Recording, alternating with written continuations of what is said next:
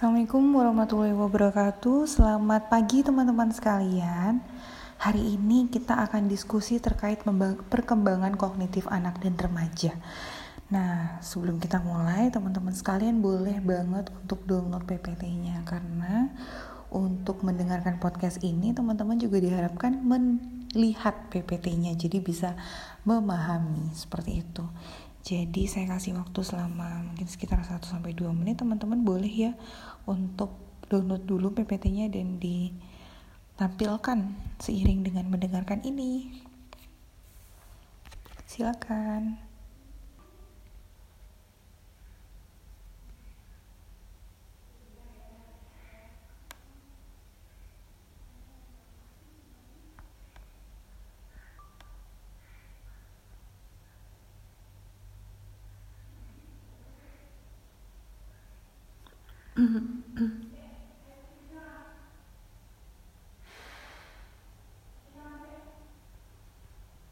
Oke, saya asumsikan semuanya sudah ya. Jadi teman-teman sekalian, hari ini kita akan mendiskusikan terkait perkembangan kognitif anak remaja. Nah, teman-teman sekalian kan sekarang sudah berada pada tahap perkembangan remaja akhir ya. Atau mungkin sudah ada yang masuk dewasa awal, bahkan sudah ada yang masuk dewasa media mungkin. Nah, teman-teman sekalian, kita bisa sampai pada hari ini dengan kognitif yang seperti ini tuh ada proses perkembangannya. Bagaimana sih proses perkembangannya? Nah, nanti kita akan bahas dalam pertemuan ini. Nah, teman-teman sekalian, di pertemuan ini Nah, beberapa hal yang harus kita capai dalam perkuliahan hari ini adalah teman-teman diharapkan bisa menjelaskan periode perkembangan manusia. Jadi dari prenatal, dari setelah seorang bayi dilahirkan hingga dewasa. Kemudian teman-teman juga diharapkan bisa mendeskripsikan keterkaitan antara pendidikan dan perkembangan itu sendiri. Emang kenapa sih kita perlu untuk belajar terkait perkembangan manusia? Apa sih dampaknya terhadap proses kita sebagai pendidik mendidik anak-anak nanti? Kemudian teman-teman juga diharapkan bisa menjelaskan perkembangan kognitif anak dan remaja serta teman-teman diharapkan bisa menjabarkan implikasi teori perkembangan kognitif terhadap proses pembelajaran itu sendiri. Misalkan ada teorinya Piaget, teori Vygotsky, gimana sih cara mengaplikasikan teori-teori itu dalam proses pembelajaran. Next slide. Nah, ini teman-teman sekalian. Periode perkembangan manusia. Sebenarnya perkembangan itu apa sih? Teman-teman boleh ngecek nih, berkembang ke samping atau berkembang ke atas ya. Nah, perkembangan ini adalah perubahan biologis, kognitif, dan sosio-emosional yang berlangsung selama rentang kehidupan manusia. Jadi sejak kita terlahir di muka bumi ini hingga kita meninggal nanti, ada perubahan biologis, kognitif, dan juga sosio-emosional yang terjadi. Kemudian pertanyaannya, kenapa sih kita harus belajar perkembangan?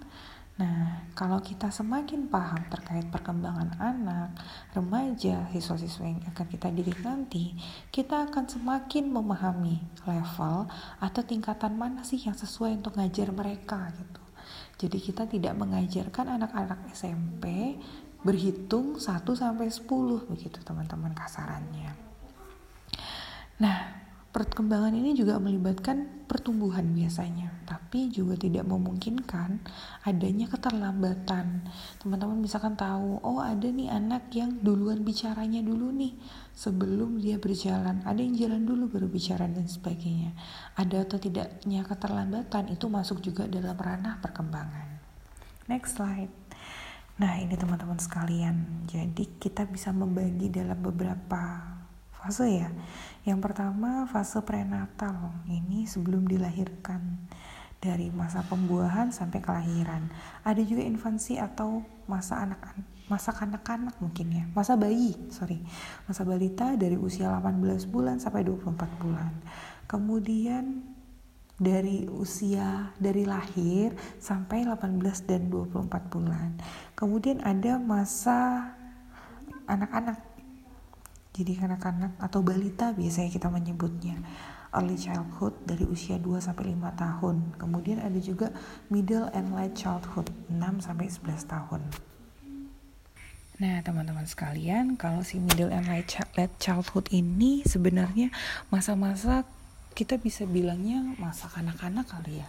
Jadi kalau tadi ada bayi atau bal kemudian jadi balita bayi 5 tahun sampai ke kanak-kanak. Kanak-kanak di usia 6 sampai 11 tahun. Biasanya ini masa-masa di mana kita bersiap-siap untuk memasuki usia atau tahap selanjutnya yaitu remaja. Remaja 10 sampai 12 tahun uh, 10 12 tahun sampai 18 sampai 21 tahun. Biasanya ditandai dengan adanya pubertas dan lain sebagainya. Nah perkembangan anak ini adalah hasil dari proses biologis, kognitif, dan juga sosio-emosional. Jadi semuanya ini saling berhubungan, tidak hanya biologis aja, tidak hanya kognitif aja, atau tidak hanya sosio-emosional saja. Nah, proses biologis ini biasanya terkait dengan pertumbuhan fisik. Misalkan dari masa infansi ke early childhood. Di infansi anak-anak belum bisa berjalan, tapi di early childhood mereka sudah bisa berlari, misalkan seperti itu. Ada juga proses kognitif, perubahan cara berpikir, intelijensi, dan sebagainya. Jadi, seorang anak yang sebelumnya itu tidak bisa membaca, belum bisa mengingat banyak hal ketika memasuki masa uh, kanak-kanak tengah atau akhir sampai dewasa nanti proses kognitifnya akan semakin tinggi gitu. Kemudian ada juga sosio emosional namanya teman-teman. Melibatkan perubahan hubungan anak dengan orang sekitarnya. Jadi ada perubahan emosi, perubahan bagaimana dia interaksi dengan orang lain sampai membentuk kepribadiannya anak. Nah, next slide. Terus terus pertanyaannya pasti apa sih keterkaitan antara perkembangan dan pendidikan? Nah, ini yang tadi sih teman-teman. Jadi sebenarnya pendidikan yang ideal itu terjadi ketika kita memberikan pendidik kita seorang pendidik mengajarkan atau mendidik anak didik kita itu pada level yang tidak terlalu sulit dan tidak penuh stres atau juga tidak terlalu mudah atau membosankan terkait tingkat perkembangan anak. Jadi kita sebagai pendidik harus memberikan misalkan tugas dan sebagainya harus dilakukan seorang anak itu sesuatu yang tidak terlalu sulit untuk dilakukan, tapi juga tidak terlalu mudah seperti itu. Jadi anak tetap tertantang, tapi mereka juga nggak ngerasa kelelahan atau nggak ngerasa penuh tekanan seperti itu. Nah, kemudian next slide, ada tiga pertanyaan yang coba dipecahkan dalam penelitian perkembangan. Jadi ilmuwan-ilmuwan bagian perkembangan itu banyak sekali bertanya-tanya tentang beberapa hal ini. Yang pertama terkait nature versus nurture. Jadi orang-orang suka bertanya, sebenarnya mana sih yang lebih penting antara genetik atau nurture itu biasanya kita menyebutnya dengan uh, pengaruh lingkungan gitu. Mana sih yang lebih penting gitu? Tapi ternyata individu itu adalah hasil dari si genetika dan pengalaman lingkungan. Jadi simpelnya kalau misalkan kita pernah dengar dia tuh jago alat musik sejak dalam kandungan misalkan gitu. Karena sering didengarin musik Mozart dan sebagainya apalagi orang tuanya juga ternyata seorang komposer seorang musisian misalkan kayak gitu. Nah dia secara nature sudah membawa kemampuan itu gitu. Jadi genetiknya itu sudah ada. Kromosomnya itu udah ada satu gitu terkait kemampuan musik. Kemudian ditambah dengan adanya nurture jadi orang tuanya akhirnya mengeleskan dia ke sekolah musik dan sebagainya itu yang membantu dia untuk mengembangkan kemampuan musiknya dia. Jadi dia semakin berhasil. Contoh simpelnya misalkan Gita Gutawa anaknya Erwin Gutawa. Mungkin dia punya kemampuan secara genetika karena ayahnya itu adalah seorang musik musician gitu tapi orang tuanya juga tetap menyekolahkan dia, mengikutkan dia les dan sebagainya yang membuat kemampuan musiknya dia itu semakin bertambah seperti itu. Nah, selain uh, terkait nature sama nurture, juga sering sekali dibahas terkait peran pengembang. Manusia yang berkembang juga memiliki peran dalam perkembangan, sebenarnya seperti itu. Jadi orang-orang suka bertanya-tanya sebenarnya manusianya itu sebagai objek atau sebagai subjek itu tuh berperan gak sih gitu. Nah, ternyata sangat berperan. Jadi uh, individu itu kayak mungkin dia punya faktor dari nature atau faktor nature yang bikin dia berhasil melakukan sesuatu. Tapi keberhasilan dia itu juga dipengaruhi oleh dirinya dia sendiri. Dirinya mau nggak sih mengembangkan kemampuannya dan sebagainya Kemudian yang ketiga yang sering sekali dipermasalahkan adalah terkait mana sih yang penting pengawal, pengalaman awal atau pengalaman di akhir tuh. Dan ternyata hasilnya keduanya berperan secara signifikan bagi perkembangan individu. Jadi bukan hanya perkembangan atau pengalaman anak ketika masih kecil, tapi juga pengalaman anak ketika dia sudah dewasa itu sangat berpengaruh untuk hidupnya dia gitu. Teman-teman juga sering banget ngelihat misalkan ada seorang anak yang dia itu hmm, contohnya siapa ya? Misalkan ada seorang atlet ya atlet renang yang dia itu disabilitas gitu. Kalau kita pikir-pikir melihat dari bentuk fisik dan sebagainya mereka itu memiliki kekurangan seperti itu. Tapi karena ada faktor nurture yang dikembangkan dan dia sendiri sebagai pengembang dari kemampuan dia itu berperan signifikan kemudian dia tambahkan dengan kursus dan sebagainya latihan dan sebagainya akhirnya dia bisa jadi individu yang luar biasa seperti itu next slide nah individu merupakan hasil dari genetika dan pengalaman lingkungan Nah, kenapa ada pendidikan? Pendidikan ini sebagai salah satu upaya untuk memenuhi si nurture atau untuk menstimulasi dari lingkungan yang akan membantu dalam proses perkembangan manusia. Jadi anaknya secara genetika sudah baik, kemudian ditambah ini dengan pendidikan salah satunya. Sehingga dia bisa menjadi lebih baik. Nah, teman-teman bisa cek di next slide bahwa kita tidak bisa memilih orang tua dan lingkungan tempat kita lahir. Tapi kita punya pilihan untuk mengelola apa yang ada dan mengubah kekurangan menjadi kekuatan. Contohnya ada beberapa orang yang bilang, saya tuh jadi kayak gini karena saya terlahir di lingkungan yang orang tua saya bekerja sebagai ini atau sebagai itu gitu. Memang sih setiap kita pasti punya keterbatasan karena kita tidak memi bisa memilih mau lahir di keluarga kerajaan dan sebagainya misalkan. Tapi kita bisa loh mengelola uh, keterbatasan-keterbatasan sumber daya yang ada itu menjadi kekuatan kita. Jadi teman-teman sekarang jangan banyak alasan nih. Karena banyak banget tempat kalian untuk belajar untuk jadi lebih baik lagi. Next slide, ada yang dinamakan dengan resiliensi. Jadi resiliensi ini adalah kemampuan seseorang untuk bounce back atau bangkit lagi.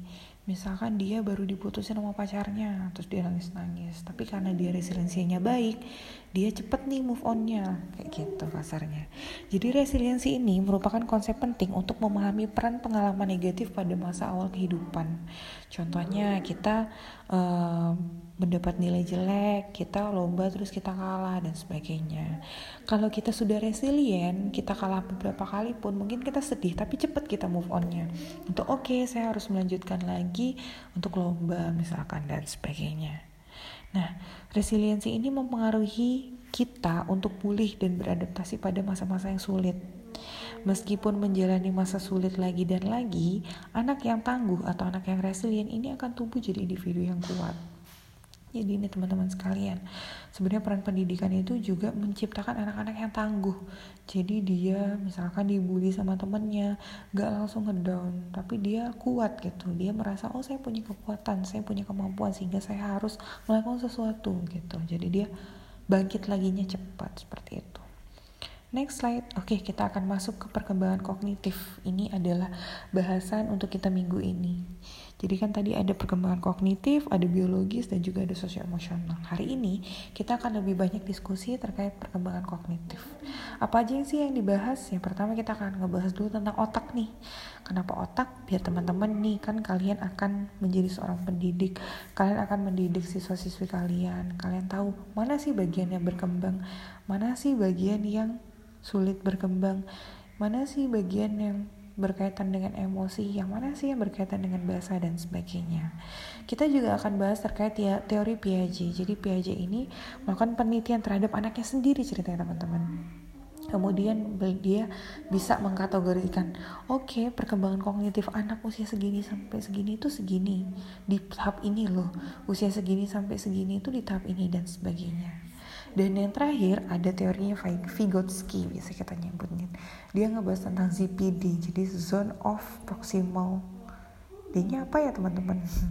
Proximal Distance kalau nggak salah.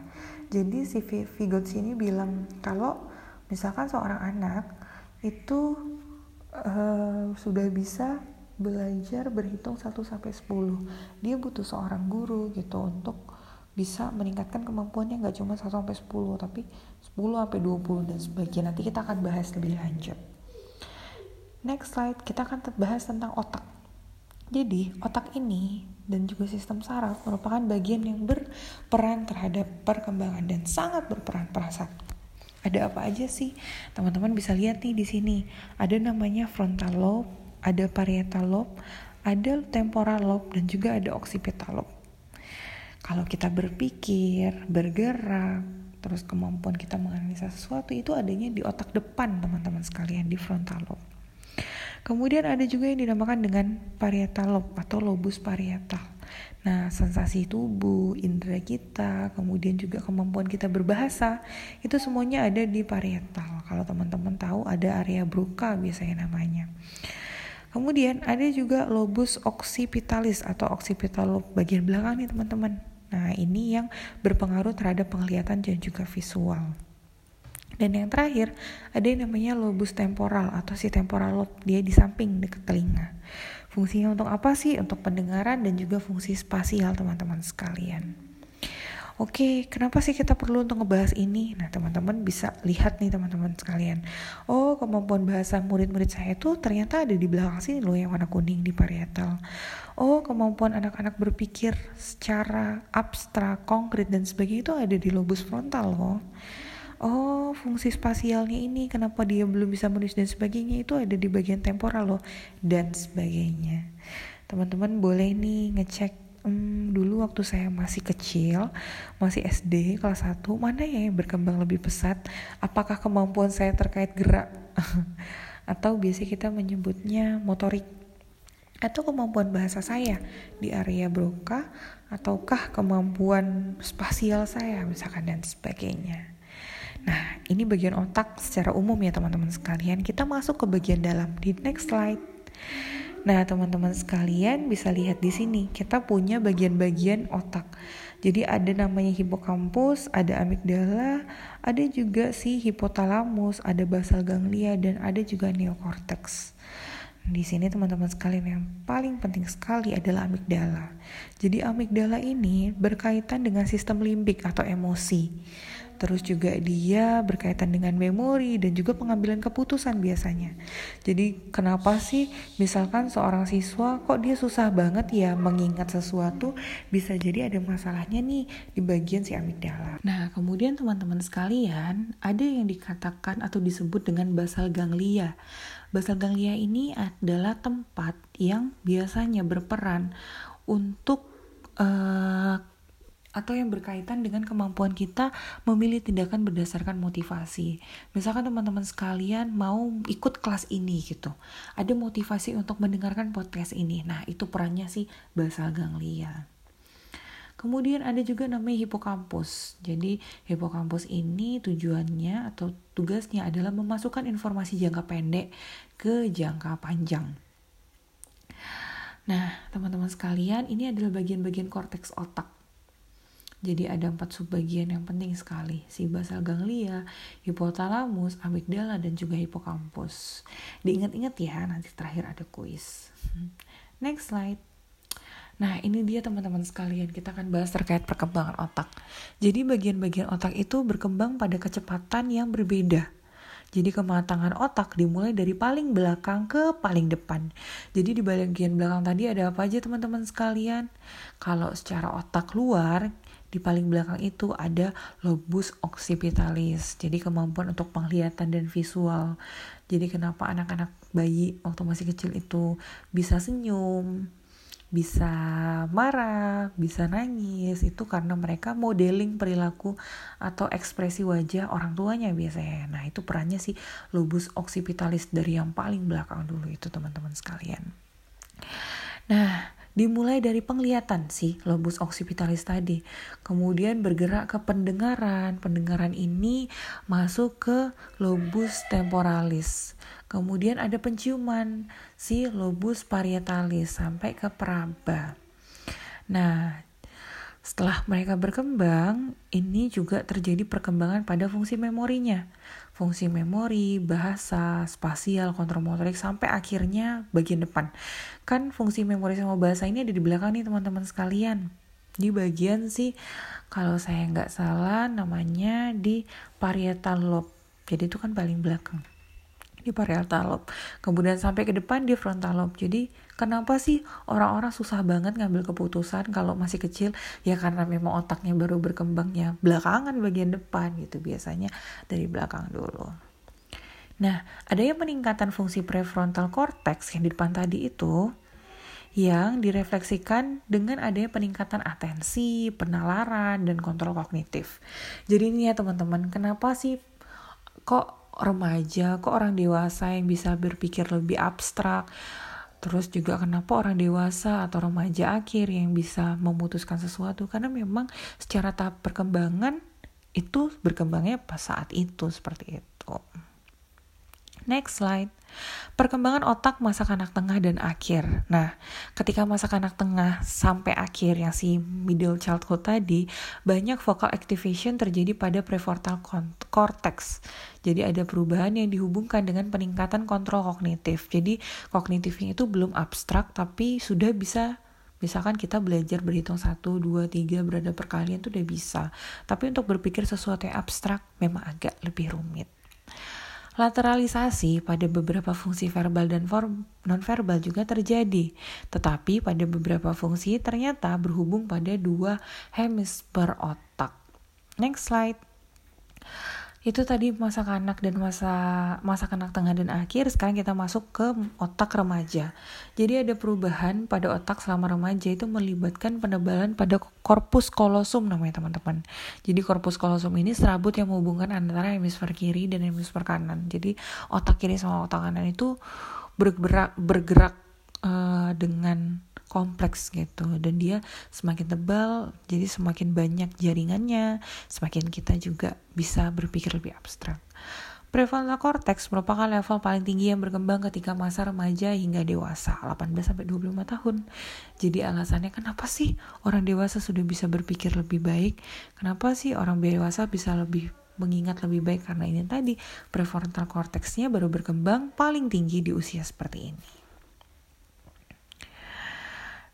Kemudian penebalan si korpus kolosum ini juga berpengaruh pada meningkatnya kemampuan kita untuk memproses informasi. Jadi kalau kita bayangkan otak kita itu adalah tempat penyimpanan, jadi kotak-kotak penyimpanan itu ada banyak banget.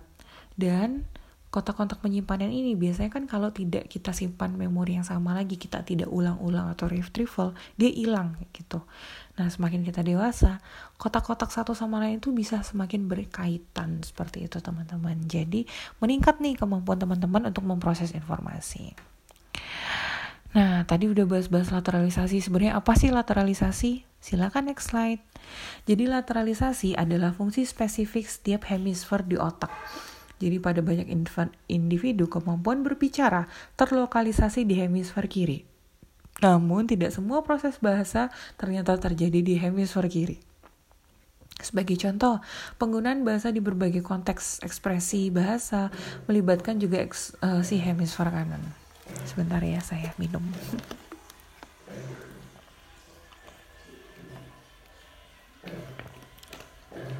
Nah, ini tadi teman-teman sekalian. Jadi ternyata perkembangan bahasa itu tidak hanya terjadi di hemisfer kiri saja, tapi juga bisa terjadi di hemisfer kanan. Apabila individu mengalami kerusakan di hemisfer kiri karena kecelakaan atau karena operasi epilepsi, hemisfer kanan akan melakukan proses bahasa. Jadi mereka itu sebenarnya saling melengkapi sih teman-teman. Gak semuanya cuma ada di salah satu bagiannya. Next slide. Otak kanan dan otak kiri. Karena perbedaan hemisfer kanan dan kiri, orang-orang sering pakai istilah otak kanan sama otak kiri. Sayangnya banyak juga nih yang terlalu melebih-lebihkan terkait spesialisasi. Misalkan orang-orang bilang otak kiri itu laki-laki banget, logis banget. Otak kanan tuh cewek banget, kreatif banget, perasa banget dan sebagainya. Padahal ternyata fungsi kompleks kita sebagai manusia itu melibatkan kedua hemisfer kiri dan juga kanan. Next slide. Nah, ini teman-teman kabar baiknya tentang plastisitas. Jadi belakangan banyak sekali uh, penelitian terkait plastisitas otak. Kan kalau teman-teman tahu bukunya tuh ada kalau kalian cari di Lipgen mungkin The Brain Change The Brain That Change Itself atau apa gitu. Pokoknya judulnya tuh tentang otak yang bisa berubah sendiri sebenarnya. Nah, konsep itu adalah konsep plastisitas. Nah, si plastisitas ini apa sih sebenarnya? Plastisitas itu adalah kemampuan otak sebenarnya untuk uh, apa ya, untuk beradaptasi lagi, untuk memperbaiki diri dan sebagainya. Nah ini ada salah satu contoh teman-teman. Ada si Michael, usianya empat setengah tahun, sering mengalami uncontrollable seizure 400 kali tiap hari. Apa ya kayak ke apa ya gerakan tidak terkontrol atau apa gitu. Mungkin teman-teman yang bisa mendefinisikan lebih jelas. Contoh simpelnya mungkin nih ada an, ada si Michael yang dia mengalami epilepsi misalkan kejang pada ot pada otak. Dokter bilang solusinya adalah ngambil si hemisfer kiri. Padahal kalau kita lihat hemisfer kiri tadi berhubungan terkait logika loh kayak gitu tapi setelah dia diambil si hemisfer kirinya, hemisfer kanannya itu mulai mereorganisasi dan mengambil fungsi yang dilakukan hemisfer kiri. Jadi hemisfer kanan ternyata juga bisa melakukan fungsi logika dan sebagainya. Jadi keduanya sebenarnya berjalan beriringan. Nah, ini juga teman-teman, karena otak kita punya plastisitas, pendidikan ini juga berperan di sini. Jadi dengan pendidikan kita bisa meningkatkan misalkan neuron-neuron saraf-saraf di dalam otak sehingga kemampuan kita untuk mengaitkan satu informasi dengan informasi lain itu semakin meningkat.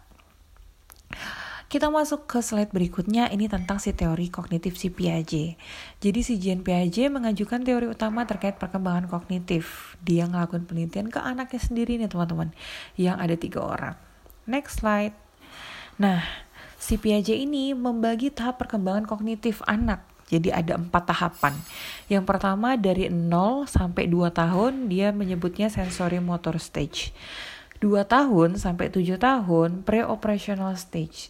7 tahun sampai 11 tahun concrete operational stage dan 11 tahun sampai dewasa adalah formal operational stage. Ada apa aja sih?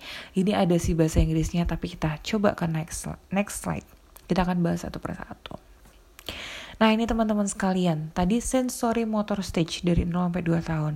Jadi anak di usia 0 sampai 2 tahun ini menurut Piaget, dia sedang belajar menggunakan kemampuan yang terbatas pada refleksnya aja gitu dan rangsangan melalui suara, cahaya, sinar lampu dan sebagainya. Jadi yang berkembangnya masih sensorinya saja jadi apa yang bisa diindra sama dia misalkan teman-teman tahu anak usia 0 sampai 2 tahun itu ngedot misalkan nyari puting susu ibunya ngedot botol susu nyisap jari dan sebagainya. Atau ketika di center cahaya nih misalkan dia bisa mengikuti arahnya. Nah itu tahap perkembangan kognitifnya baru sebatas itu saja. Dia bisa mengenal objek atau benda sekitar tapi harus memperhatikan dengan lebih lama gitu Selanjutnya, di usia 2-7 tahun, pre-operational stage-nya mulai berkembang nih. Mereka sudah mulai bisa memahami sesuatu secara simbolik. Dia bisa mengumpulkan objek benda berdasarkan kriteria kayak misalkan warna, jenis. Misalkan di depan kalian ada uh, warna ada spidol berwarna-warni terus kita minta coba kumpulin spidolnya warna hitam nanti dia bisa mengumpulkan warna hitam semua warna merah semua dan sebagainya daya ingat dan imajinasinya sudah mulai berkembang dan pada usia ini sudah bisa mengutarakan pemikirannya. Aku tuh kayaknya hari ini pengen makan ayam deh misalkan sebagainya Nah, setelah praoperasional di usia 7 sampai 11 tahun berkembang juga si tahap operasional konkret ini teman-teman. Jadi, teman anak-anak biasanya sudah bisa berpikir rasional dan sistematif dengan paham konsep sebab akibat. Misalkan orang tuanya bilang, kamu nggak boleh manjat kursi loh, kamu nanti jatuh. Nanti kalau jatuh, badan kamu akan sakit. Itu mereka sudah bisa memahami bisa melakukan pengelompokan objek dan memahami instruksi yang sedikit lebih kompleks. Jadi kalau ada tugas-tugas di uh, usia SD ini biasanya anak-anak juga sudah mulai memahami. Namun dia masih butuh informasi yang sifatnya konkret untuk bisa memahami suatu hal. Jadi hendaknya dilengkapi dengan pemberian contoh konkret yang mampu dilihat oleh anak-anak dalam kehidupan sehari-hari. Nah, kalau teman-teman nanti mengajar misalkan di anak usia 11 tahun, 10 tahun misalkan dia udah kelas 3 SD, teman-teman harus ngasih contoh nih, contoh yang konkret karena mereka memang secara kognitif belum bisa melihatnya sehingga dibutuhkan contoh-contoh konkret. Next slide, ada masa remaja dan dewasa. Jadi namanya tahapnya adalah operasional formal. Jadi usia 11 tahun sampai berusia remaja hingga sampai dewasa, mereka ini sudah bisa menarik kesimpulan dari informasi yang diperoleh terus juga bisa menggunakan penalaran saintifik, bisa mencahin masalah dengan logis, skillfully combining ideas, sudah bisa merencanakan masa depan, bisa berpikir secara logis, abstrak, dan idealis. Jadi kalau di masa usia 11 tahun ke atas ini teman-teman misalkan ngasih uh, soal hitungan tapi ada gambar apel sama pisangnya mereka udah gak butuh gitu. Mereka bahkan bakal bosan gitu. Jadi yang harus dilakukan adalah ini tadi teman-teman. Jadi banyakin tugas-tugas atau uh, diskusi-diskusi di dalam kelas yang minta mereka untuk nyari solusi dari satu masalah, ngajakin mereka mencoba menarik kesimpulan, ngajakin mereka untuk berpikir lebih jauh dan sebagainya. Next slide, kita udah bahas tentang Piaget, sekarang kita masuk ke Vygotsky. Jadi si Lev Vygotsky ini mengajukan teori kognitif yang menekankan bahwa keterampilan kognitif perlu diinterpretasi secara perkembangan dan punya ketertarikan pada hubungan sosial dan budaya. Jadi proses kognitif itu tidak berdiri sendiri kalau menurut Vygotsky. Jadi uh, sosial sama budaya itu juga berpengaruh. Dia juga menyampaikan tentang si ZPD ini, Zone of proximal development, bukan distance ternyata development, merupakan istilah terkait berbagai tugas yang terlalu sulit dikuasai anak secara mandiri dan butuh bimbingan dari orang dewasa. Misalkan kayak tadi teman-teman, uh, mereka berhitung penjumlahan, mereka bisa misalkan, tapi mereka butuh guru les, butuh orang tua untuk ngajarin bagaimana sih caranya menjumlahkan angka yang sampai ribuan misalkan seperti itu. Jadi butuh orang lain. Next slide. Nah ini adalah ilustrasi ZPD. Saya bisa, ini adalah saya bisa. Terus ada yang saya tidak bisa. Nah dari saya bisa, dari saya tidak bisa mencapai saya sam sampai saya bisa itu ada yang namanya zone of proximal development. Dia butuh orang dewasa atau orang yang lebih mampu untuk mengajarkan gitu. Area saya bisa, area pembelajaran di mana anak sudah bisa melakukan tugas secara mandiri. Ada juga ZPD, area di mana anak mulai kesulitan melakukan tugas secara mandiri, makanya dia butuh bimbingan. Dan ada area aku nggak bisa, area di mana anak nggak mampu nyelesain tugas dengan benar tanpa bantuan orang lain. Nah, di area tidak bisa inilah kita butuh orang dewasa untuk mendampingi. Menurut Vygotsky, level kemampuan atau kompetensi anak terbagi jadi tiga jenjang ini teman-teman. Area saya bisa, area ZPD, sama area saya tidak bisa. Jadi kalau teman-teman melihat, oh mahasiswa atau siswa saya di area saya tidak bisa nih, sehingga harus dilakukan adalah kalian harus mengecilkan si zone of proximal development ini dengan membimbing mereka, seperti itu. Next slide, ada implikasi scaffolding. Jadi scaffolding ini bantuan yang didapat dari orang lain, itu bisa disebutnya scaffolding. Seiring anak dibantu untuk mencapai ZPD melalui scaffolding, maka lambat laun kemampuan yang tadinya masuk sebagai ZPD akan menjadi zona aku bisa gitu. Kalau kita balik ke slide tadi, ada zona aku nggak bisa, terus ada ZPD, ada zona bisa. Jadi kalau ZPD-nya dibantu sama orang dewasa dengan scaffolding, dia bisa masuk ke zona saku aku bisa kayak gitu. Nah, Vygotsky menekankan bahwa anak secara aktif mengkonstruksi pemahaman. Vygotsky tidak menawarkan tahap perkembangan, tetapi menekankan bahwa anak mengkonstruksi pengetahuan melalui interaksi sosial. Jadi kalau dia sudah punya pengetahuan, ketika dia bawa dalam interaksi sosial, menurut Vygotsky itu bisa lebih baik gitu. Jadi lebih direkonstruksi, lebih banyak pemahaman. Uh, jadi kemampuan mereka untuk mengolah informasi itu jadi lebih tinggi gitu jadi si Spirits ini bilang kalau sebenarnya anak itu tuh tergantung banget sama apa sih yang disediain sama lingkungan. Kalau misalkan lingkungannya menyediakan guru les, menyediakan guru-guru yang baik, guru-guru yang bisa ngebantu scaffolding, nanti ZPD-nya jadi zona aku bisa. Tapi kalau misalkan anak udah nggak bisa, ternyata lingkungan sosialnya penuh kritik, ada banyak banget tekanan, anak pun jadi sulit berkembang seperti itu. Next slide. Nah ini teman-teman bisa dilihat ya apa bedanya si Vygotsky sama Piaget. Vygotsky kalau secara konteks sosiokultural dia sangat menekankan, Piaget sedikit saja menekankan. Teman-teman bisa cek satu persatu ya. Next slide.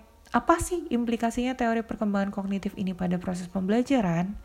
Nah, pembelajaran ini diberikan dengan praktek langsung dan pengamatan langsung terhadap hal-hal yang konkret pakai panca indera. pembelajaran lebih menekankan pada proses daripada hasil. Jadi teman-teman sekalian bukan dapat nilai A yang dipentingin, tapi bagaimana kita bisa berproses uh, untuk mengembangkan pengetahuan yang kita punya dengan si scaffolding, dengan kita belajar sendiri dan sebagainya. Pembelajaran disesuaikan dengan kemampuan kognitif berdasarkan usia masing-masing anak dan berdasarkan minat masing-masing anak. Jadi kita tidak memaksakan. Dan yang terakhir, pembelajaran dilakukan dengan memberikan pengalaman yang beragam untuk memfasilitasi perkembangan sesuai tingkat usia anak. Ini ya teman-teman. Jadi kalian untuk nanti kalau mau praktek perlu untuk memperhatikan ini. Jadi harus praktek langsung, itu penting banget terus harus menekankan pada proses daripada hasil, kemudian menekankan juga pada kemampuan kognitif, menekankan juga terhadap pengalaman. Seperti itu. Oke, okay, next slide. Ini ada referensi teman-teman. Bisa cek di buku Romadani dan juga Santrok. Nanti kalau teman-teman mau baca lebih lanjut bisa cek di sini ya. Ini juga bisa jadi referensi teman-teman untuk nanti bikin PPT kelasnya. Nah, sekarang saya akan kasih kuis ke teman-teman nih. Aku akan kasih dua pertanyaan. Teman-teman nanti bisa jawab di kolom komentar ya. Yang pertama, bagian otak yang mengatur terkait perkembangan bahasa itu di bagian mana sih? Itu yang pertama. Dan yang kedua, coba kasih bukti perkembangan otak yang dari belakang ke depan Misalkan contohnya saya lebih mampu ini dulu daripada ini dan sebagainya. Ada dua quiz itu ya teman-teman. Silahkan dijawab di kolom komentar. Jadi saya tahu kalau kalian tadi mendengarkan. Sekian dari saya diskusinya. Kalau teman-teman ada hal yang masih dibingungin dan mau kita diskusikan, silakan ya untuk uh, kasih komentar di kolom komen. Terima kasih, selamat kembali melanjutkan aktivitas. Saya akhiri wabillahi taufiq walhidayah. Wassalamualaikum warahmatullahi wabarakatuh.